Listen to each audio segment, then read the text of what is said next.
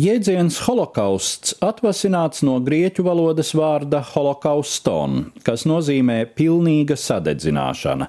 Senatnē tā apzīmēja dzīvnieka upurēšanu dieviem to pilnīgi sadedzinot.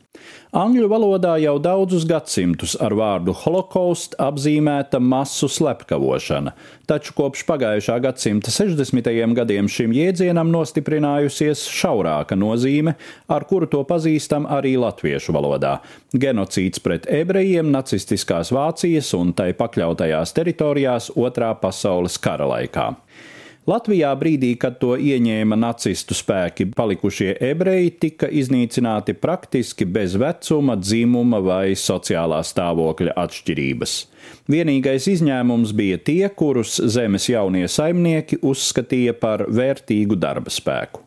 Pārējie, ar nedaudziem nejaušiem izņēmumiem, gāja bojā nesaudzīgā dažu mēnešu iznīcināšanas procesā, kas kulminēja ar slaktiņu rumbulas mežā 1941. gada 30. novembrī un 8. decembrī.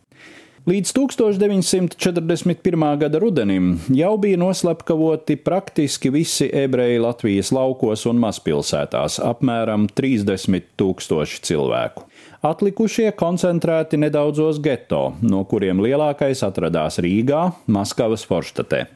Šķiet, kādu laiku Vācijas vadībā notika zināma birokrātiska stīvēšanās.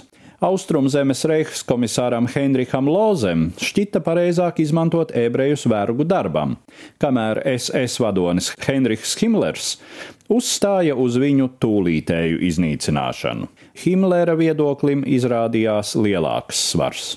Ar viņa svētību šurp tika nosūtīts SS Obergruppenführers Friedrichs Jekelns kurš sevi jau bija apliecinājis iepriekšējos mēnešos, noslepkavojot apmēram 57 tūkstošus ebreju divās masu iznīcināšanas akcijās Ukrainā - Kamiņets Podoļskā un Babija Jarā. Pirms 30. novembra akcijas no citiem tika nošķirti apmēram 4,5 tūkstošu ebreju vīriešu spēka gados. Pārējos 30. novembra agrā rītā no miega uzrāva sitieni durvīs un kliedzieni. Gan vācu SD vīri, gan latvieši no bēdīgi slavenās arāja komandas lika pusstundas laikā saposties, izveda no geto un izkārtoja kolonās, kuras straujā solī sāka dzīt uz rumbulas mežu. Upuriem tika teikts, ka viņus pārvieto uz citu nometni, taču daudzi varēja nojaust savu patieso likteni no tā, ka ikvienu, kurš netika līdzi, apsargi uz vietas nošāva.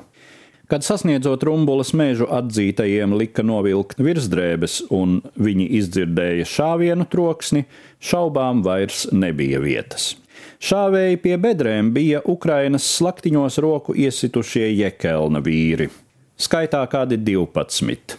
Diezinu, vai tie visu laiku bija vieni un tie paši, ievērojot, ka tad katram no viņiem dažu stundu laikā būtu jānošauj apmēram tūkstotis cilvēku. Dāsni lietots alkohols, un tas savienojumā ar nogurumu un stresu neļāvis vienmēr precīzi trāpīt pat no divu metru attāluma. Bieži nācies piebeigt tos, kuri tikai ievainoti, atguvušies un mēģinājuši izrāpties no masu kapa. Tomēr daudzi ievainotie acīm redzot tikuši arī dzīvi aprakti un nosmakuši zem mirušo ķermeņu svara. Pēc akcijas 30. novembrī, kad tika nogalināti apmēram 12,000 Rīgas geto ieslodzīto, kā arī nepilns tūkstotis nu pat no Berlīnes atvestu ebreju, iestājās nedēļu ilgs pārtraukums līdz nākamajai baisās pļaujas dienai 8. decembrī, kad šādā pat veidā dzīvību zaudēja vēl 12,000. No tiem 66 tūkstošiem ebreju, kas bija palikuši Latvijā brīdī, kad to okupēja Vācijas spēki, Pēc nepilna pusgada dzīvi bija palikuši mazāk nekā desmitā daļa. Nākamā gada janvārī Friedrichs Jekelns par rumbulu saņēma vienu no augstākajiem nacistu apbalvojumiem - bruņinieku pakāpes kara nopelnu krustu ar zobeniem. Vēl pēc pieciem gadiem viņam tepat Rīgā nācās maukt kaklā karātavu cilpu. Stāstīja Eduards Liniņš.